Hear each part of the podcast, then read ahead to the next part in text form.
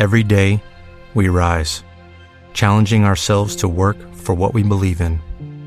At U.S. Border Patrol, protecting our borders is more than a job, it's a calling. Agents answer the call, working together to keep our country and communities safe. If you are ready for a new mission, join U.S. Border Patrol and go beyond.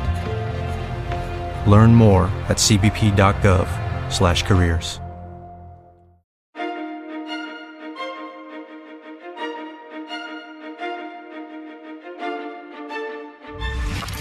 Targeta de memòria.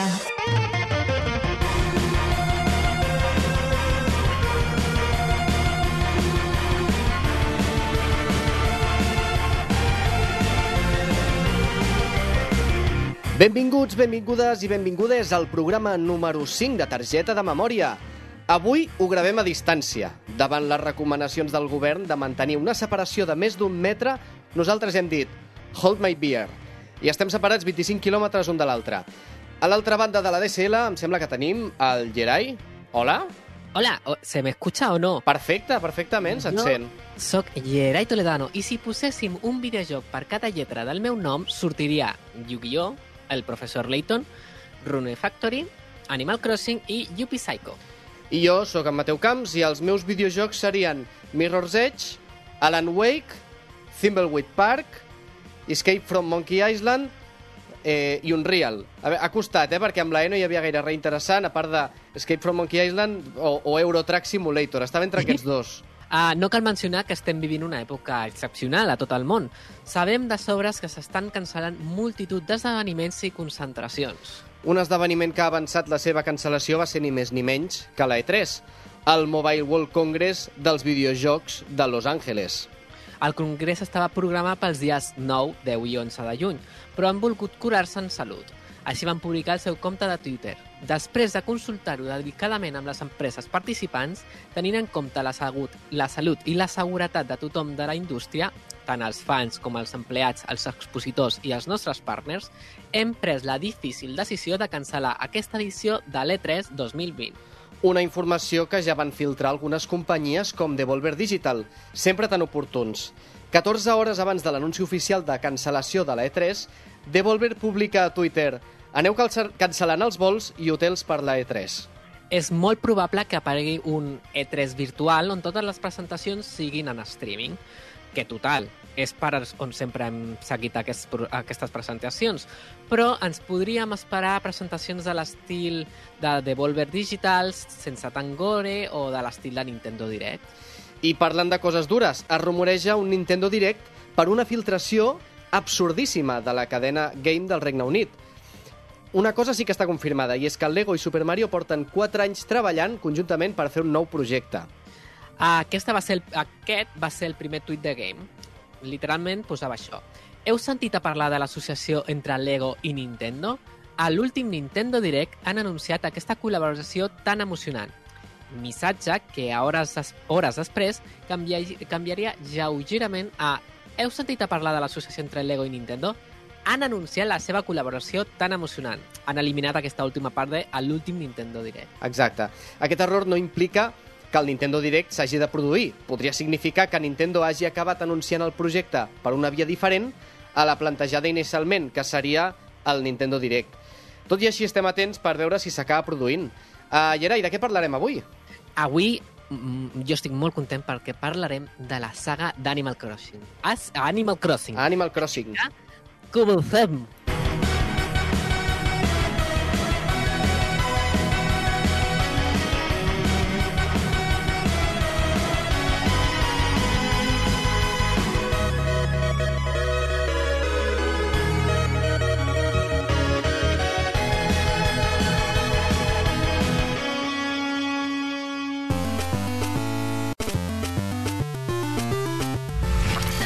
Targeta de memòria.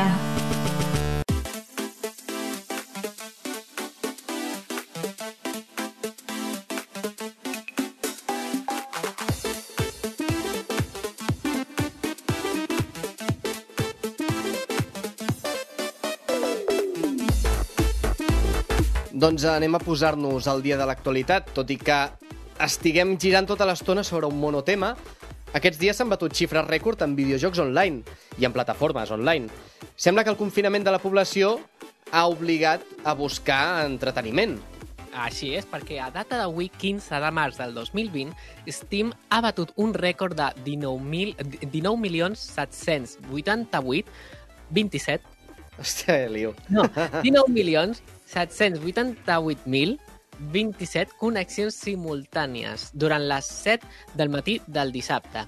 L'últim rècord va ser de, de va ser va, fe- va ser va, ui, va ser fa molt poc al, diu- al, al febrer de 2020 amb 18, mil, amb 18 milions. Déu-n'hi-do, eh? Com Déu-n'hi- estem? De retruc, Mare meva. de retruc, com que la gent es connecta a Steam, jocs de la mateixa plataforma han experimentat nous rècords de jugadors, començant pel Counter-Strike Global Offensive de Valve, arribant a 1.007.062 jugadors. I en el cas de Dota 2 va arribar a un pic de 694.829 jugadors connectats. Un nou llançament d'Activision Infinity Wars també s'endú un dels rècords dels jugadors. És el cas de Call of Duty uh, Warzone. Joc estil Battle Royale i gratuït llançat el 10 de març, ha aconseguit arribar a una xifra de 15 milions de jugadors simultanis arreu del món. El joc ha tingut molt bona acollida, sobretot pels jugadors que ja estaven acostumats a l'univers de Call of Duty. Ofereix partides de fins a 150 jugadors repartits en, en equips de 3 en un mapa de mida mm, bastant considerable. Per mantenir el ganxo dels jugadors, no només s'incentiven a competir, sinó també a descobrir búnkers i objectes amagats en el mapa, i alguns d'ells s'obren amb una combinació secreta que encara no s'ha publicat. I per acabar el repàs de l'actualitat, repassem algunes dates de llançaments abans d'acabar el mes de març. Comencem per Doom Eternal, Doom 64 i Animal Crossing New Horizons. que això serà el 20 de març. Half-Life Alyx, quin dia serà? Pel 23 de març, Bleeding Age i Paper Beast, 24 de març, aquesta és difícil. Saints Row 4 o 4 Reelected uh -huh. i. One Piece Pirate Warrior 4 o 4 el 27 de març, i Persona, Persona 5 Royal i The Complex. i aquest serà pel 31 de març. Targeta de memòria.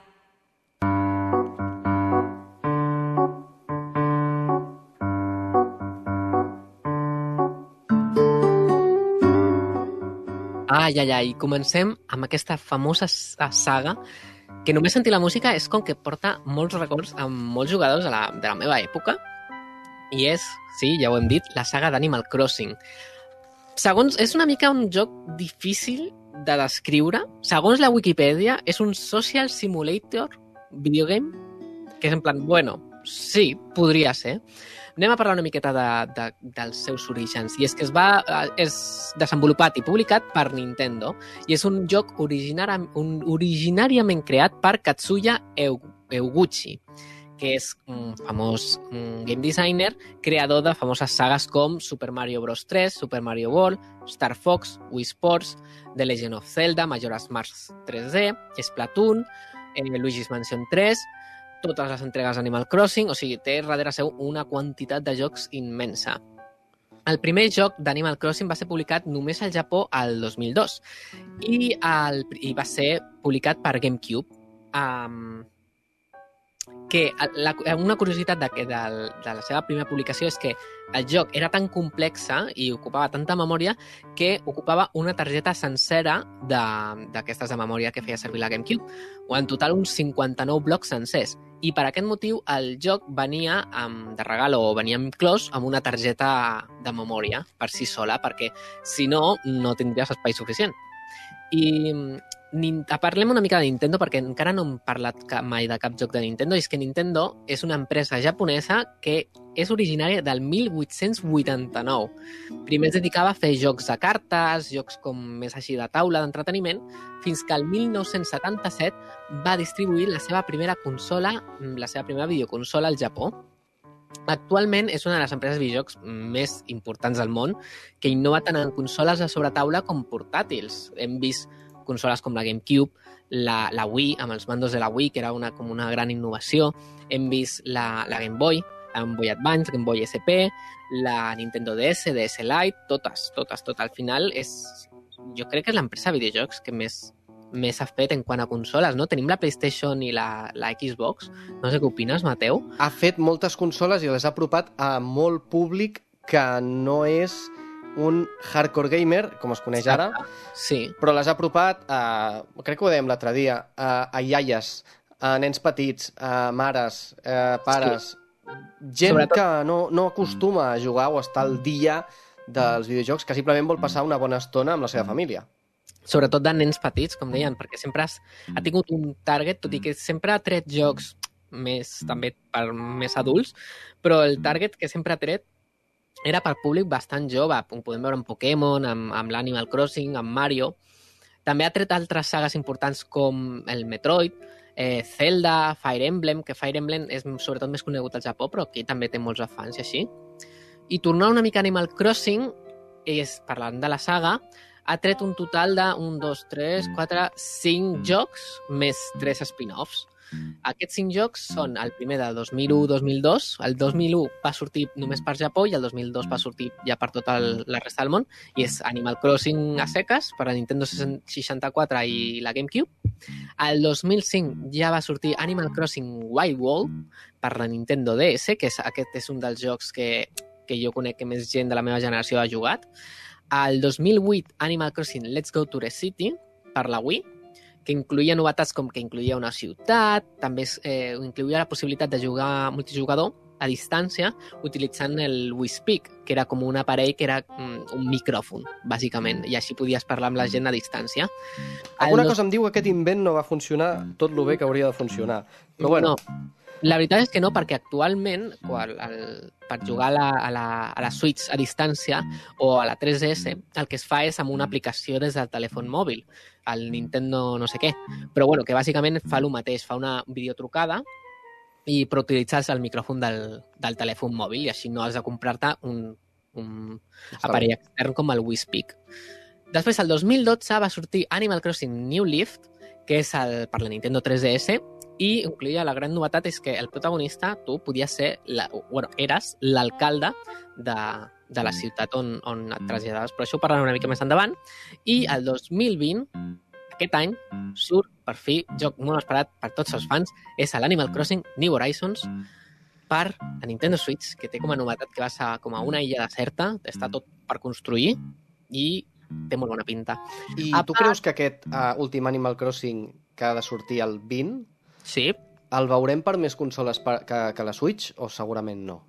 Mm, jo crec de moment no. O sigui, si parlem de la de Nintendo, o sigui, òbviament, Nintendo, Nintendo és normalment, Nintendo i té les seves consoles. Clar, Nintendo només, normalment els jocs exclusius de Nintendo com aquest només ho troba a les seves consoles i actualment la única consola que està així al dia és la, de la, és la Switch perquè no, la Wii ja no estan fent jocs per la Wii ni per la Wii U. O sigui que no crec, no crec que treguin per altres consoles, per- perquè haurien de treure primer una consola nova. Uh -huh.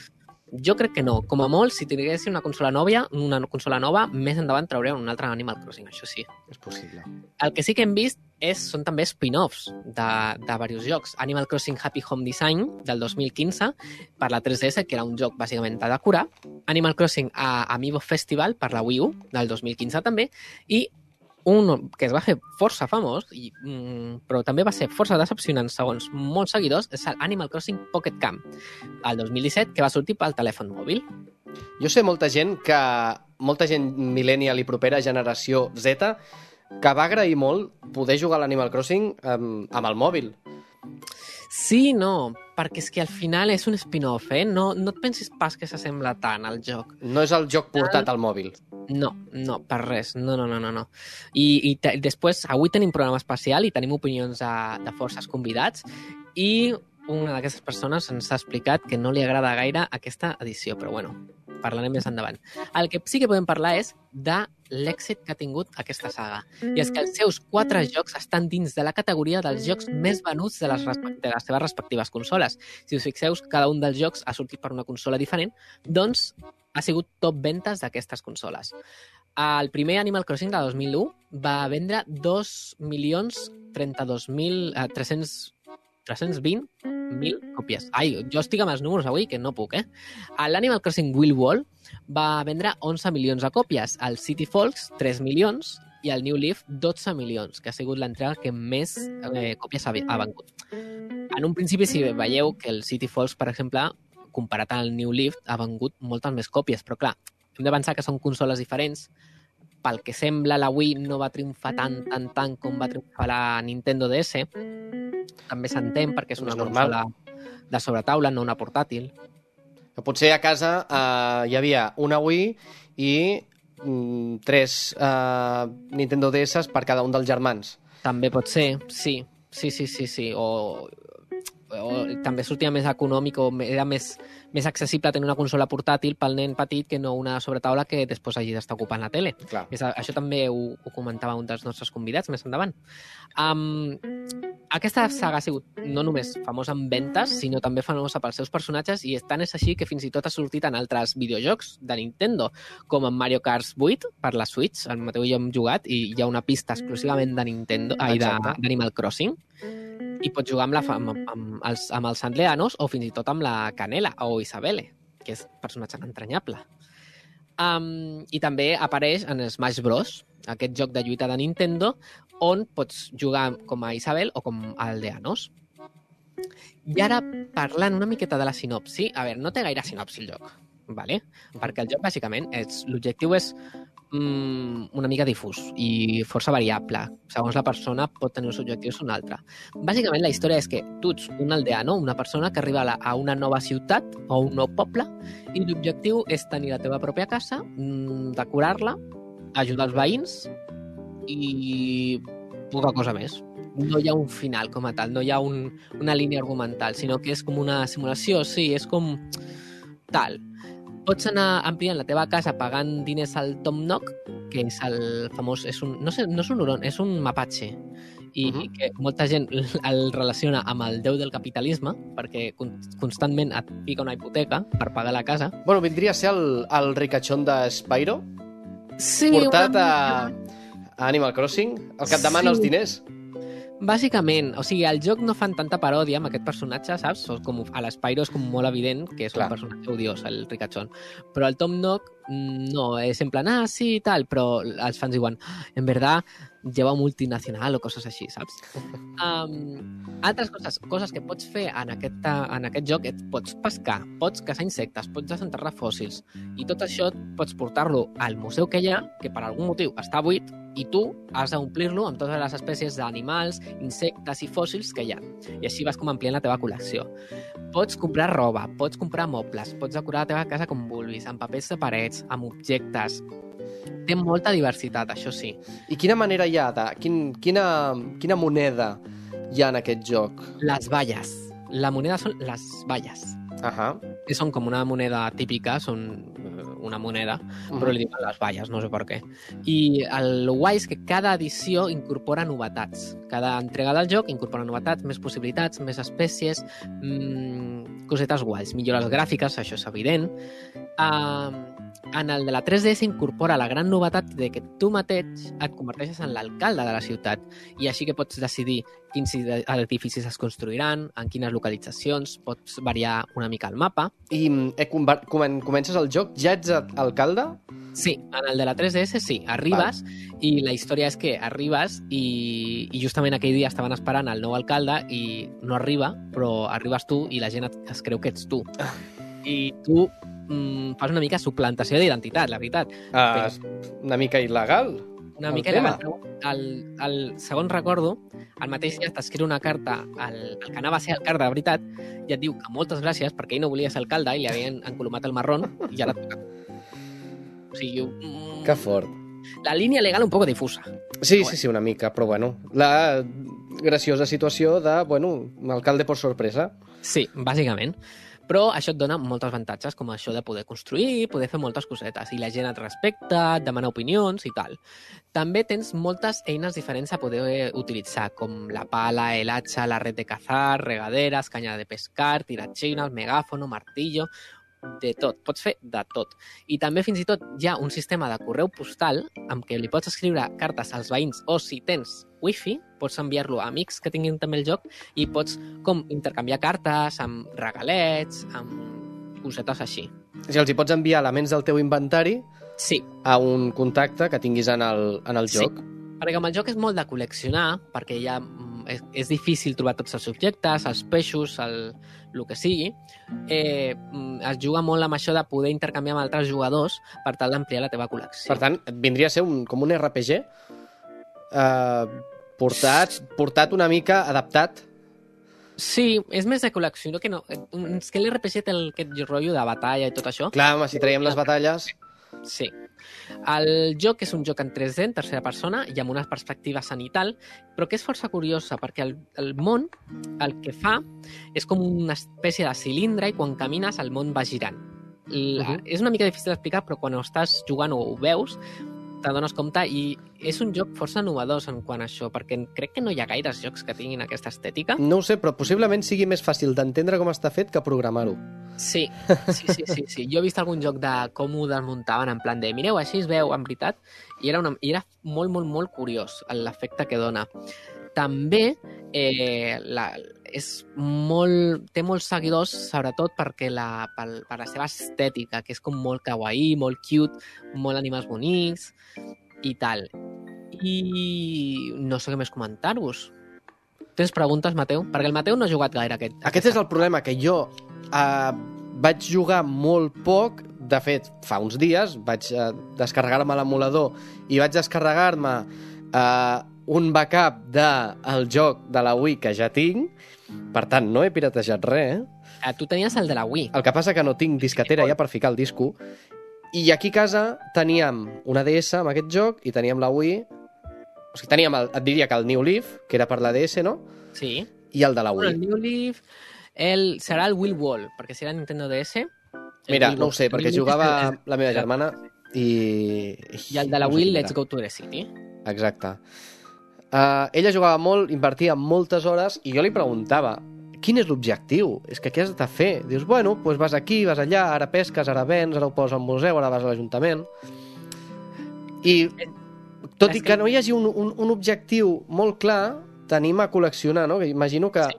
passa amb, mol, amb molts videojocs, que no tenen cap... Uh, es, cap és a dir, cap objectiu a, a curt termini, però Mm. sí que tenim, a, doncs, o, ni que sigui a desbloquejar logros o a, Sí. o També a completar una col·lecció. té molt el tema de parlar amb els veïns, d'entablar amistat, de fer-se regals entre els veïns de la ciutat. Cada veí té com la seva pròpia personalitat, la seva pròpia casa, amb els seus objectes. Mhm. És una mica tot el conjunt, també el museu, els diferents personatges que hi ha. Mm, I el, el guai, que això no ho he parlat, és que... Això no ho he dit en cap moment? No. bueno, després també ho sentirem als àudios, però el joc el que fa és un, una simulació seguint la, el, el temps de la vida real. Què vol dir Mhm. això? Que si a la, tu estàs jugant i són les 5 de la tarda, dintre del joc també són les 5 de la tarda i el temps va passant al mateix moment que a la vida real. I no només el temps del dia, llavors, si estàs jugant per matí i que fa doncs, el sol de matí, el joc també està fent com el, el, un dia com de matí. Al migdia va canviant el sol, van canviant els colors, després es fa de nit, hi ha la, la posta de sol, tot es torna a tornar de color taronja, i és com tot va passant a la vegada que tu estàs jugant. Així- Això jo recordo que tenia coses bones i coses dolentes. Uh -huh. Perquè la cosa bona és que dius, hola, que guai, perquè és com, uah, com ho saps, saps? Com, com... Clar, agafa l'hora i, i ell Clar, mateix sí, ja munta tot. feia t'agafava l'hora de la consola, però et ficava molt en el, en el joc al final, perquè era com, com estar en el món real al final.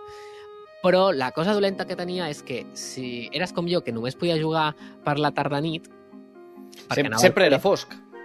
Clar, quasi sempre era ja de nit.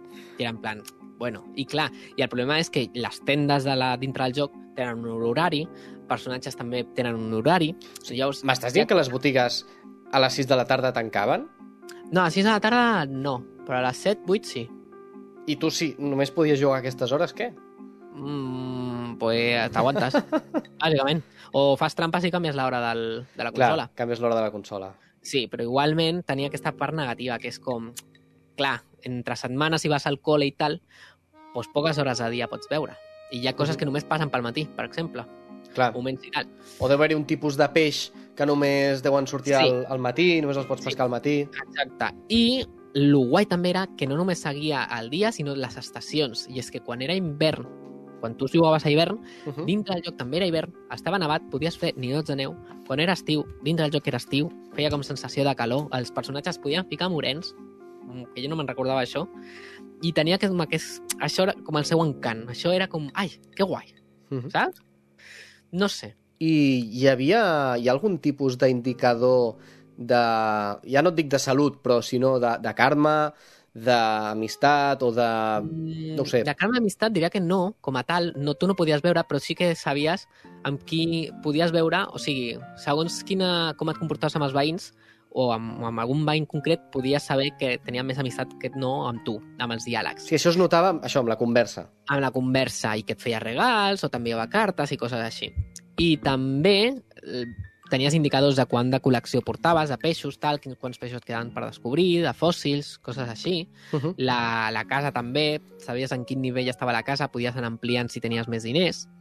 I una altra cosa molt, molt, molt, molt guai és que també seguia les festes tradicionals, en plan, si era Nadal, Oh. el joc també era Nadal. Si era any nou, el, el dia d'any nou, la nit d'any nou, hi havia una compta enrere, com ja la vida real, Sí, sí. per començar el nou any. També hi havia la, el dia del pare, el dia de la mare. Eh, tot de festes, totes, la, totes estaven. Pasqua, Halloween. Per Halloween tot també es posava decorat. Era brutal, perquè estaven totes les festes. I tu algun cap d'any estaves amb la consola oberta per enganxar just aquest moment? Sí, no, abans, just al moment de tal, no, però el- sí que estava durant el dia i es veia, hi havia el comptador i tal. Estava molt, molt, molt guai. Això era un punt molt positiu. I explica'm ara què era això del el talp que sortia en el principi del Sí. joc Això si era una de les... eh, Sí, tancaves sense guardar.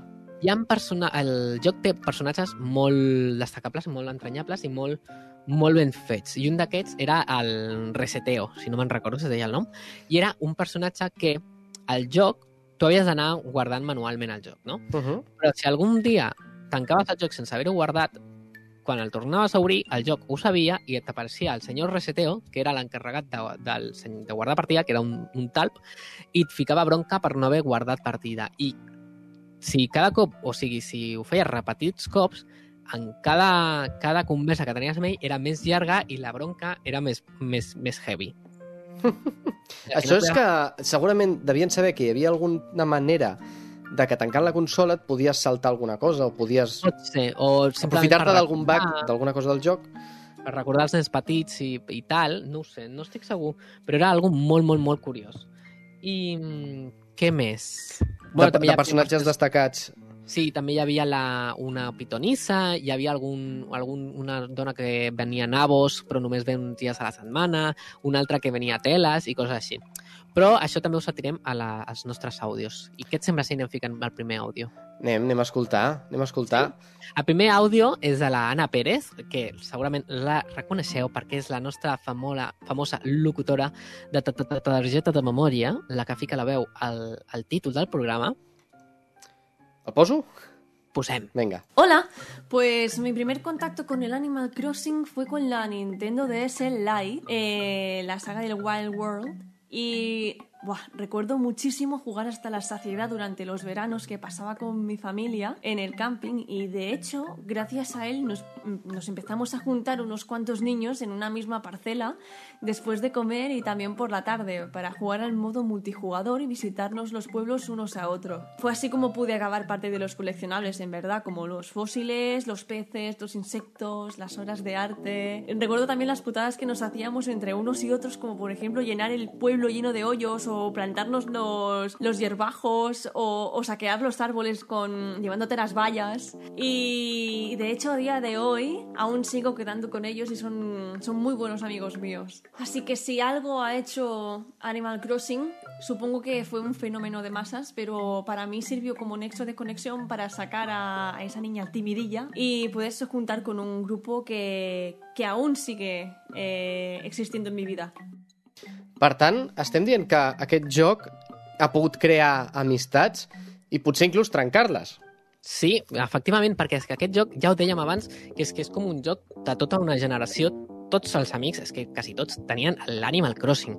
I el guai era aquest mode multijugador local, que tu t'apropaves als teus amics i podies entrar al seu món, podies talar-li els arbres, podies regalar-li coses, podies anar fent moltes cosetes, com ens comenta l'Anna, i al final, és que jo també ho recordo, això, al final, uh Mhm. -huh. pues, t'ajudava la teva amistat i a lo millor fins i tot o quedaves en el parc i en el parc hi havia gent jugant en aquest joc i tu deies, ah, vaig a jugar amb vosaltres. I al final et feies amics. O, o et pagaven.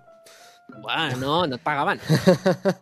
El, el món eh, que es crea és de l'estil Minecraft, que cada cop que genera és eh, aleatori. Sí, hi havia... No sé fins a quin punt era aleatori, però tu quan començaves... bueno, ara el, els primers no ho sé, però el de la 3DS sí que recordo que al principi et, deia, et mostrava tres mapes diferents o així i et deia, et deia si t'agradava algun que bàsicament canviava una mica la distribució de les tendes i així, però la forma no canviava gaire, canviava una miqueta.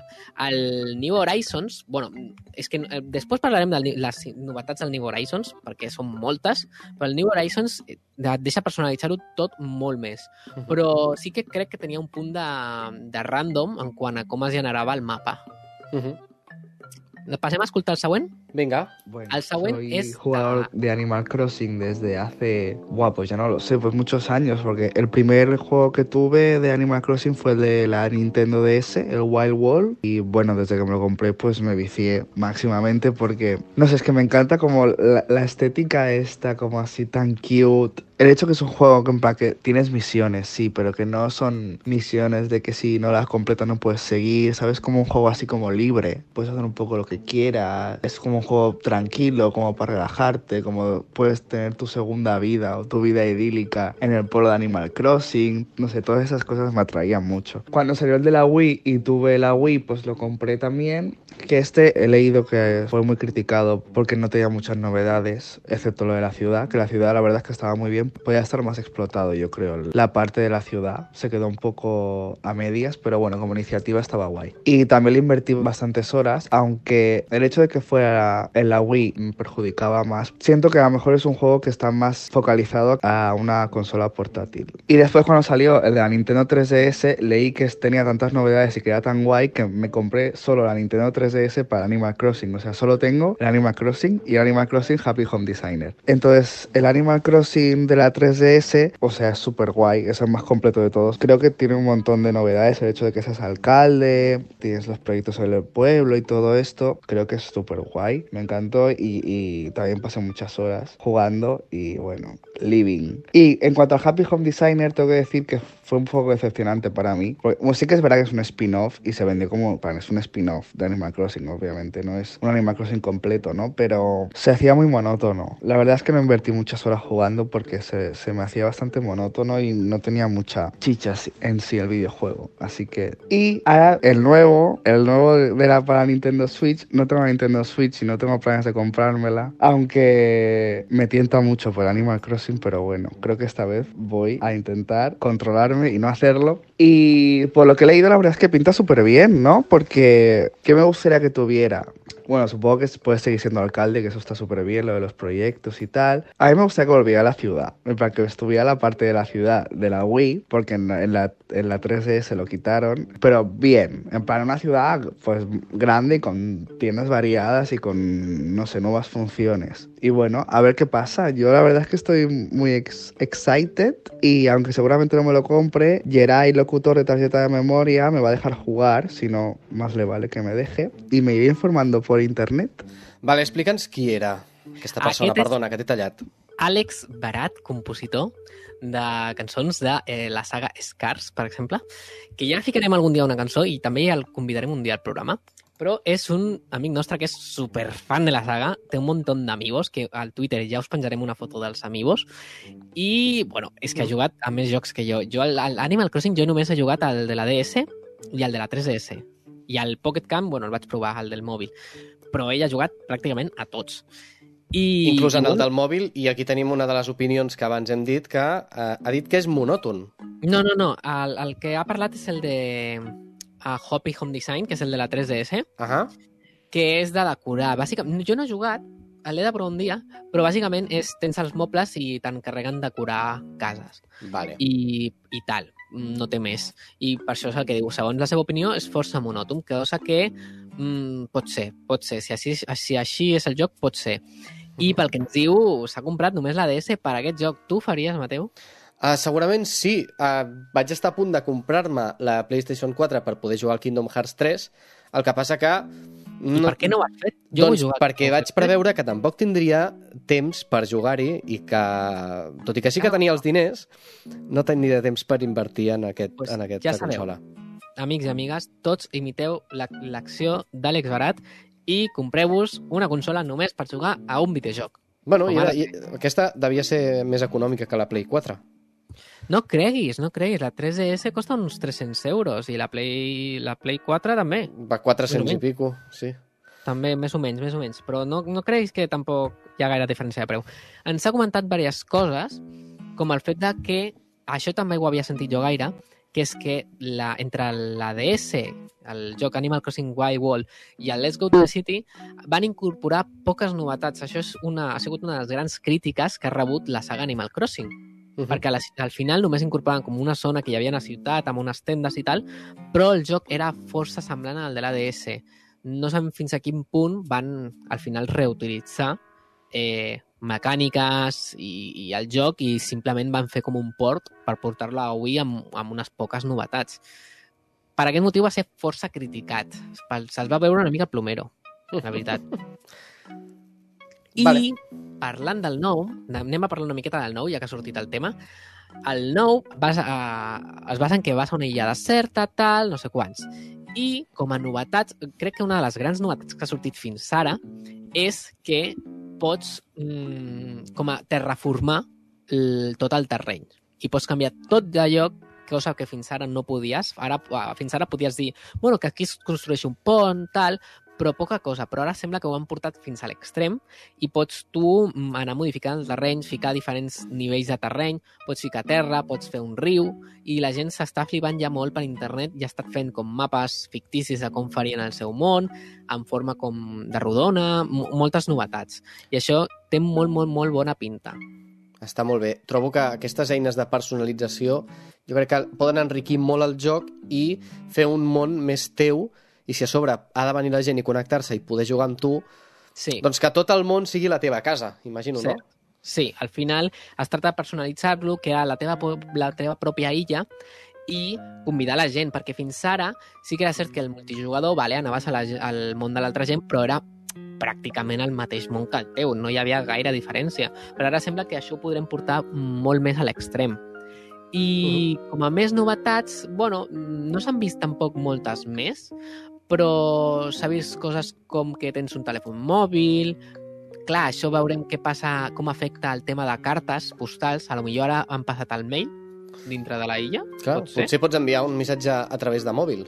Pot ser. També s'han vist imatges de bicicletes, cosa que a lo millor mm, fa sospitar que pots anar en bicicleta. També s'ha vist que el mapa és mm, quasi mm, el doble de gran que fins ara, Uh -huh. el, el mapa jugable.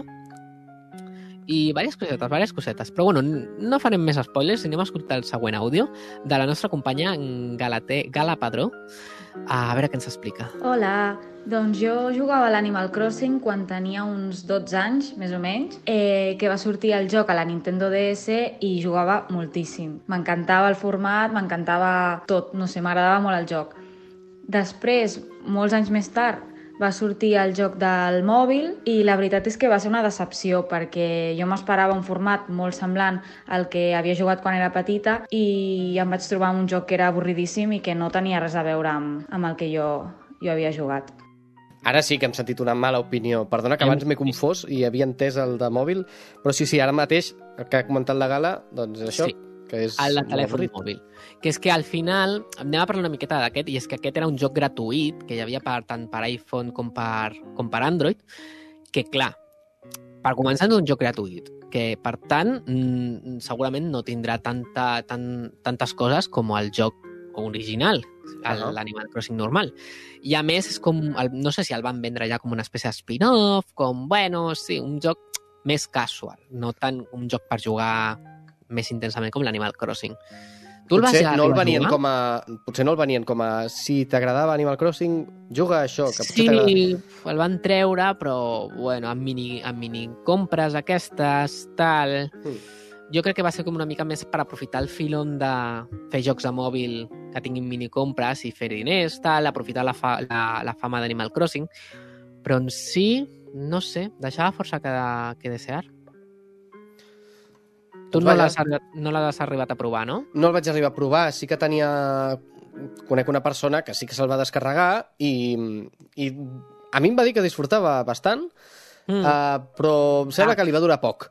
Això és com tot. Mm, nosaltres donem la nostra opinió, podem dir que no ens agrada el joc, però segurament a una altra persona li encanta, o sigui, passa hores i, i, i s'ho passa superbé. Això sempre ho tingueu en compte, que Mhm. la nostra opinió és només nostra i mm, podem basar-nos en altra gent, però és el que hi ha. I a sobre, en la meva opinió d'avui, que justament no, he provat cap Animal Crossing en profunditat. Per tant, Bueno, no passa res. No passa estic jo res. també per aprendre. Avui estic molt de, molt d'oient i, No i res, confinat.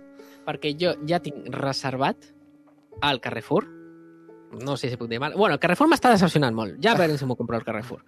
Perquè jo m'ho he reservat i de moment no m'han dit res. Però bueno, ho tinc reservat. I una de les grans novetats també, anava a dir, que no no, abans m'he quedat a mitges, és, perquè se m'havia oblidat, és que hi ha multijugador local i cada un amb el mando de la Switch pot jugar en el mateix mapa i estar els dos a la mateixa tele o en la, a la mateixa consola petita. I jo tinc moltes ganes de provar-lo. I l'Àlex ja m'ha dit que vol jugar amb mi un munt d'hores. Sí, tu però també, amb la teva consola i amb el teu joc, perquè ell, comprar-se'l, potser no se'l compra. Bueno, està tentat, eh? Mm, al millor si li agrada molt, se la compra. I passem a l'altre àudio. Vinga. Anem a escoltar a la Marta Serna, companya nostra, a veure què ens diu.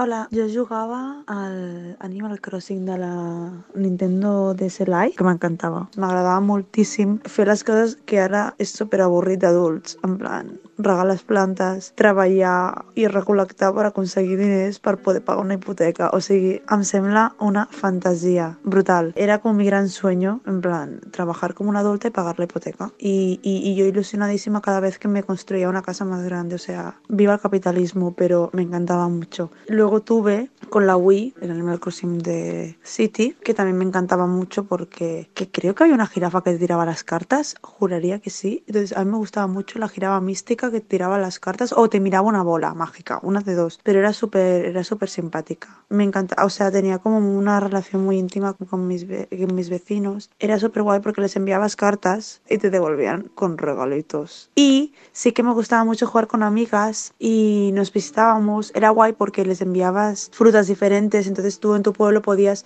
inicialmente solo tenías peras, pero tú ibas a otros pueblos con tus amiguis y podías llevarte otras frutas. Y entonces en tu pueblo pues tenías peras, ah, manzanas, eh, cireras y era, era muy divertido porque podías eh, cultivar diferentes frutas.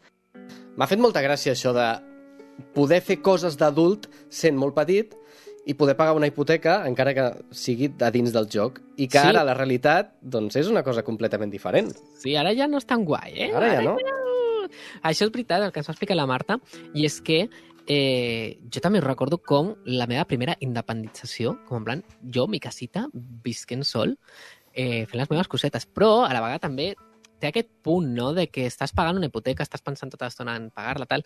No... El Tom Nook, al final, no era un mafiós, no t'anava perseguint perquè li paguessis, la veritat, Mhm. però tenies una mica la pressió de dius, ai, he de fer diners per pagar això, no?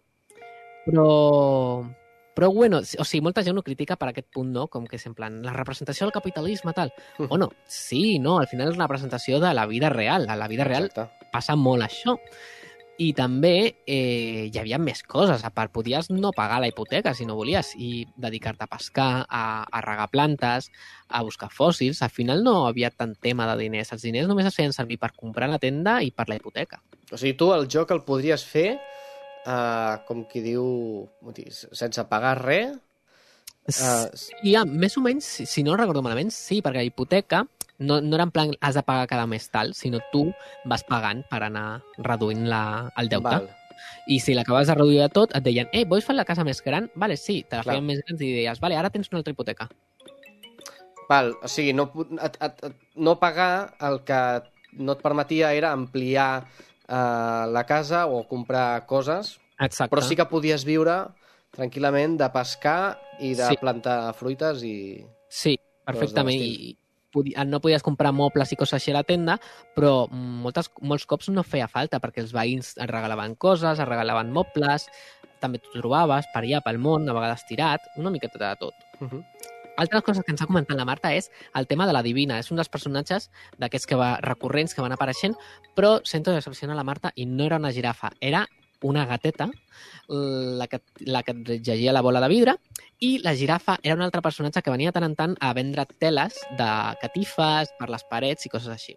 Ha barrejat, o ha mezclat un poc xurros con meninas, Sí. però bueno, normal, perquè ja fa molt de temps. I llavors hi havia la, la Divina Graciela o alguna cosa així? Sí, era algo així, crec, el nom. Però no era, era I- la, no era la pitonisa. Era una pitonissa, sí, sí. Sí? Vale. Sí, sí, Pensava sí. que era una, una botiquera. No, era una pitonissa que venia amb una, amb una, amb una tenda d'aquestes de teles i, saps, en plan de campanya, Uh -huh. movible, com nòmada, i et, et feia com un pronòstic del futur. I a la vegada crec que t'ajudava amb, amb un tema d'identificar quadres falsos o alguna així, que també hi havia un altre personatge que venia a obres d'art però que eren falses. Hòstia.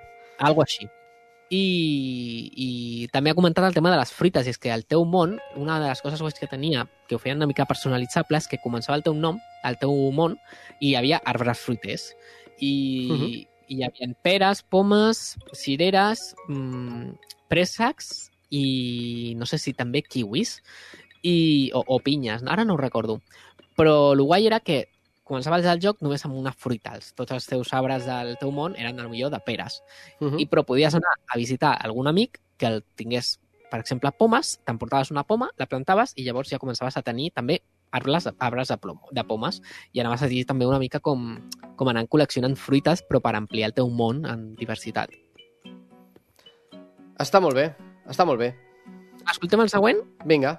Ara Eh, és... yo tenía el Animal Crossing para la DS, la primera DS que salió. Bueno, de hecho la segunda, porque la primera era la gris y después sacaron la versión azul y a mí me compraron la azul y era la única del pueblo que tenía la azul y era como la cool kit. Entonces, cuando salió el Animal Crossing yo lo deseaba como nada en el mundo y literalmente lo que hice todos los años que tuve el Animal Crossing, que jugaba todo el rato. Bueno, las horas que me dejaba mi madre. Entonces mi madre también jugaba y mi hermano también y lo que hicimos es crear nuestra propia familia en, en Animal Crossing.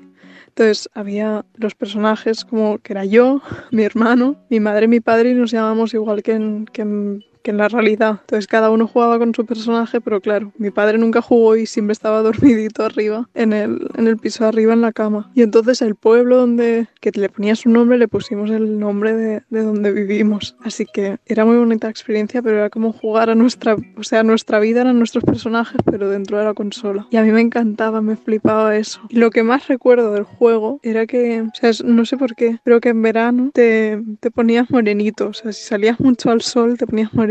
Y, y creo que es lo único que me que recuerdo, así como que me impactó. Y podías hacer muchísimas cosas, pero nunca tuve la, la peluquería. Y eso me entristece un poco como adulta.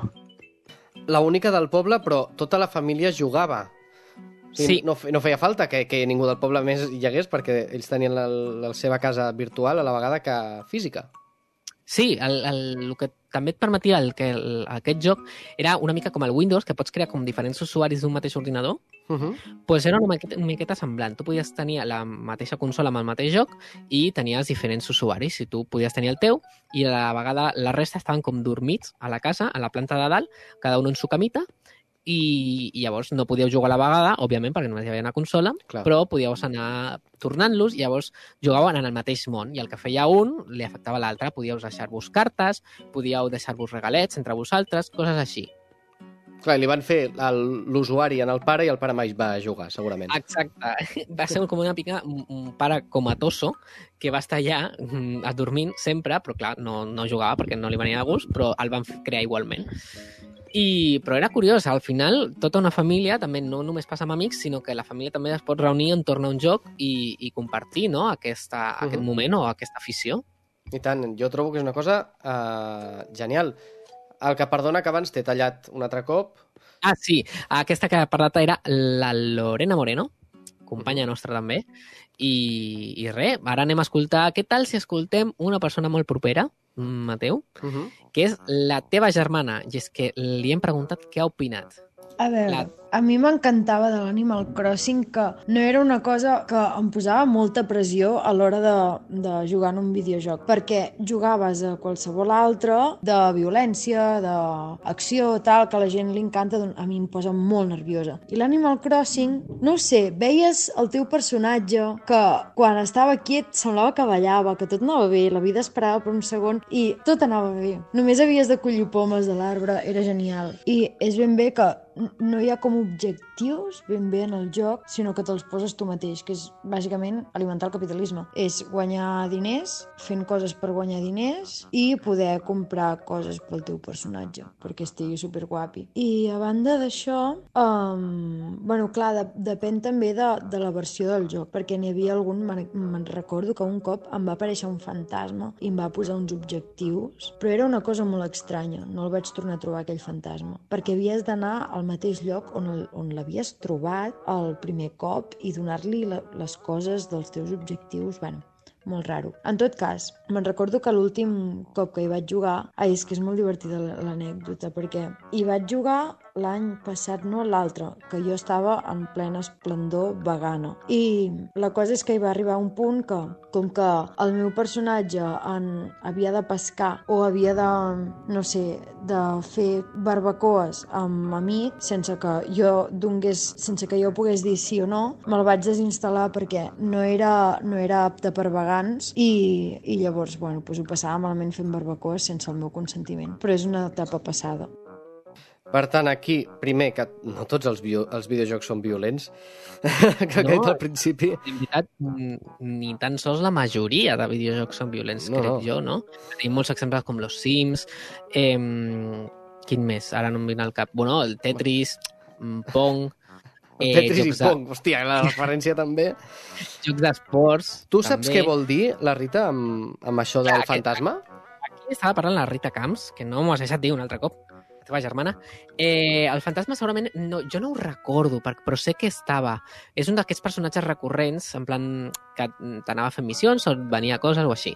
Eh, però clar, és que aquest joc el que té com... Té aquest, aquest, això de que si jugues a tal hora, eh, en tal moment, passa X cosa o apareix X personatge, el que té és que, clar, si tu no podies jugar en aquesta hora, millor mai t'havies trobat aquest personatge que és, per exemple, un, aquest cas, perquè jo no recordo cap fantasma, però sé que existia, però clar, si jo no vaig jugar en aquest moment, potser no me'l vaig trobar. Potser no te'l vas trobar les- i només apareixia durant un, una època concreta a l'any. O... Clar, això és una de les, de les coses gracioses de la màgia d'Animal Crossing, que és que ca- al final l'experiència de joc és diferent per cada jugador perquè juguen moments diferents. Uh -huh.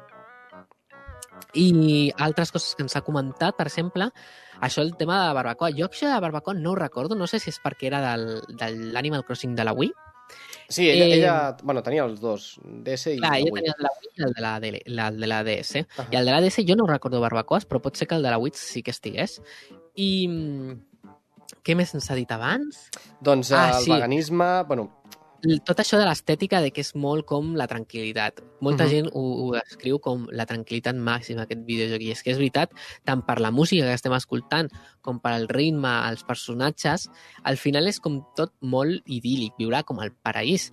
I, i, i fa molta gràcia, sobretot ara quan estava sortint el, el nou Animal Crossing, uh -huh. el- els fans so, es contenten molt amb qualsevol cosa cal dir, perquè ja sortia com plan un anunci i es veien imatges i a millor mm, sortia que hi havia cascades sortia una cascada de fons i deien ala, hi ha cascades, i tots bien, hi ha cascades, saps? És Sí. plan, el fan d'Animal Crossing és un fan agraït, tranquil i content. Clar, perquè coses d'aquestes que, que semblen com molt fora de la rutina d'Animal Crossing, cada cop apareguin i que puguis... Eh, que hi hagi una cascada que deformi el terreny i aquestes coses són Sí, molt rares final- de veure.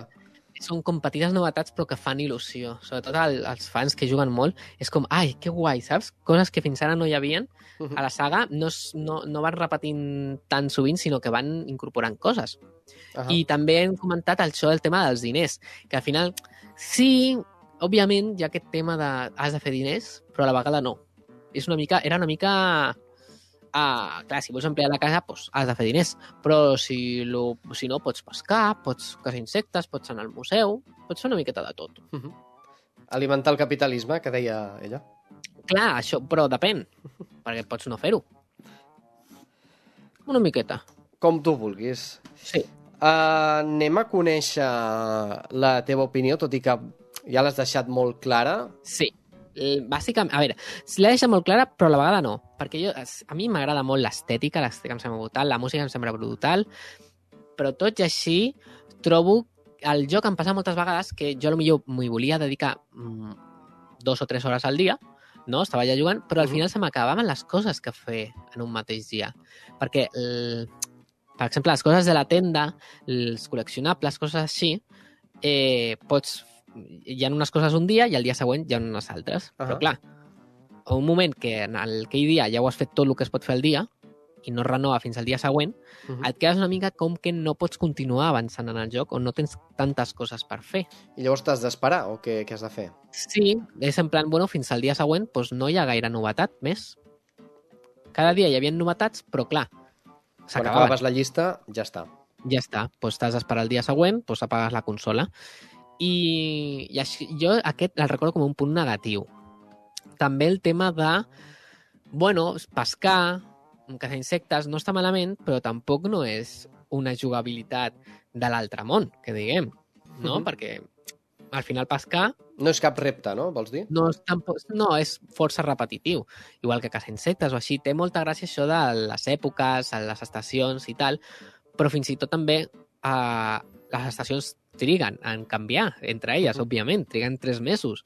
I al final eh, no varia tant l'entorn en, en poc temps, sinó que és a la llarga. Al nou Animal Crossing, al New Horizons, crec que el canvi d'estacions, perquè abans el canvi d'estació era com instantani, de cop era hivern, saps? Ahà. Quan canviava l'estació i de cop estava tot nevat. Si no m'equivoco, en el New Horizons, per les imatges que hem vist, aquesta, aquesta canvi d'estació és, més, és més gradual Uh i suposo que quan estàs a meitat d'hivern ja comença a desfer-se la neu, coses així. També eh, es pots personalitzar molt més, cosa que això jo trobo molt positiu perquè abans era com en plan, sí, estàs en aquest món, també se't feia una mica petit, per això Mhm. jo agraeixo molt que ho hagin fet molt més gran, però, però clar, abans se't feia petit, s'acabaven les coses per fer, al final els personatges seran els mateixos cada dia. Al final, mm, això de no tenir objectiu a mi m'estressava, perquè era en plan, no sé què fer. Havies d'estar a la consola sí o sí i, i tenir alguna cosa, alguna cosa a fer dins el joc. Clar, sí. I bueno, més o menys, és que tot l'altre crec que ja ho hem comentat, no? No, no, ben bé. Hem fet una bona repassada, jo crec. Sí. Um, I com a positiu... mm, Com a positiu, el més positiu és l'estètica, que és super cookie, super, super, super cookie. Els, els, les mascotes, la Isabel, o sigui, soc fan de la Isabel, l'encarregada de l'Ajuntament, que torna a sortir la nova entrega, perquè, òbviament, la gent l'ha demanat a saco, la gent és super fan, ha sigut, és tan fan que fins i tot té un personatge per ella mateixa en l'Smash Bros, pots jugar amb ella, uh -huh. cosa que amb la resta de personatges no pots, però això és perquè s'ha convertit en un fenomen de masses. És com la. Ara per ara és la representació d'Animal Crossing, molt més que no el personatge principal que, que, que encarnes tu. I tant és així que fins i tot han sortit un munt de memes de perquè surt, surt, surt el, ha sortit el Doom Eternal al mateix moment que l'Animal Crossing. Exacte. I, però els fans, en comptes de crear com una lluita entre les dues sagues, en plan de a veure quina guanya, com són tan diferents, han decidit aliar-se i, i, i han creat com la, la història fictícia de que la Isabel és superfan de la saga de Doom i el personatge de Doom és superfan de la saga d'Animal Crossing. I és en plan, fa molta gràcia veure dos personatges tan diferents i tan contrastats, com un és la, la, la violència màxima i a saco, Uh -huh. amb la, la, pas, la cosa més pacífica del món, Que és la com Isabel. Sí que és Isabel, com li agraden les coses de l'altre i, és, i imaginar-te la Isabel amb una escopeta disparant a dimonis, doncs és la cosa més graciosa del món. La veritat és que és impressionant i que està molt bé que els dos, els dos uh, fandoms estiguin també agermanats, tot i que realment no tinguin res a veure, que són Sí. jocs completament diferents. Jo de puntuació li dono al joc... Mm, és que té aquest punt de que es fa una mica repetitiu, però bueno, jo li dono un 8. Uh -huh. I tu no sé si li vols una puntuació? Jo em sembla que ho deixaré també amb un 8, perquè així de mitjana tenim un 8, perquè precisament jo no he jugat pas en aquest joc.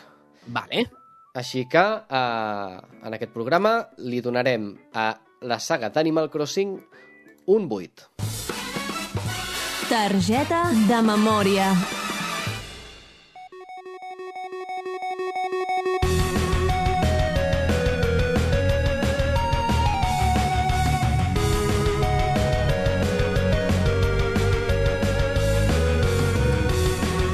Fins aquí el programa d'avui. Moltes, moltes, moltes gràcies per ser un programa més amb nosaltres. Moltes gràcies a totes, tots, tots i totes les persones que ens han enviat àudios, que ens han recolzat, que ens han donat la seva opinió. I recordeu que de tant en tant estem a Twitch, que ens podeu trobar amb el nom de Gandhi barra baixa crash o Gerai Toledo, no? Que és una cosa que ara, per exemple, podem aprofitar de fer. No ho Jo sé, perquè total estem confinats aquí a casa i jo crec que és un bon moment per fer algun directe, no?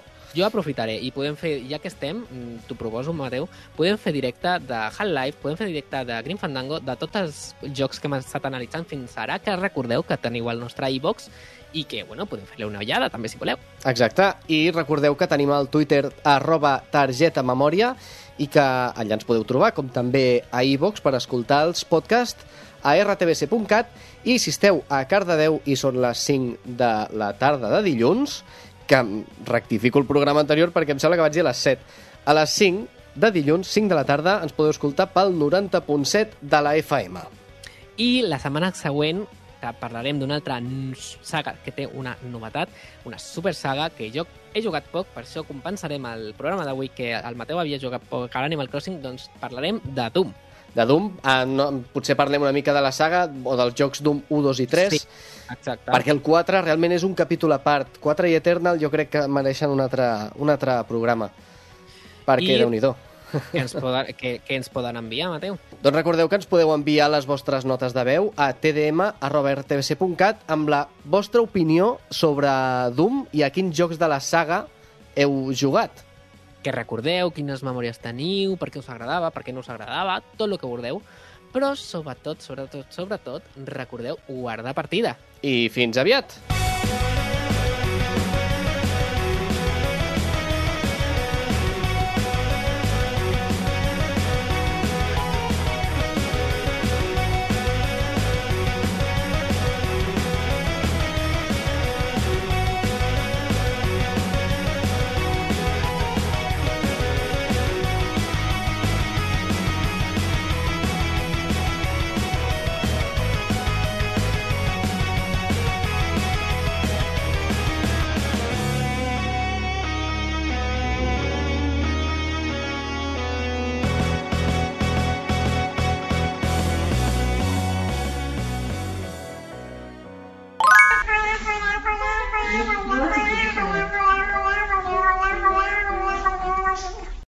Worked hard for what you have your money, your assets, your 401k, and home. Isn't it all worth protecting? Nearly one in four consumers have been a victim of identity theft. Lifelock Ultimate Plus helps protect your finances with up to $3 million in reimbursement. Lifelock alerts you to identity threats you might miss. And if your identity is stolen, your dedicated US based restoration specialist will work to fix it. Let Lifelock help protect what you've worked so hard for. Save 25% off your first year on Lifelock Ultimate Plus at lifelock.com slash aware. Terms apply.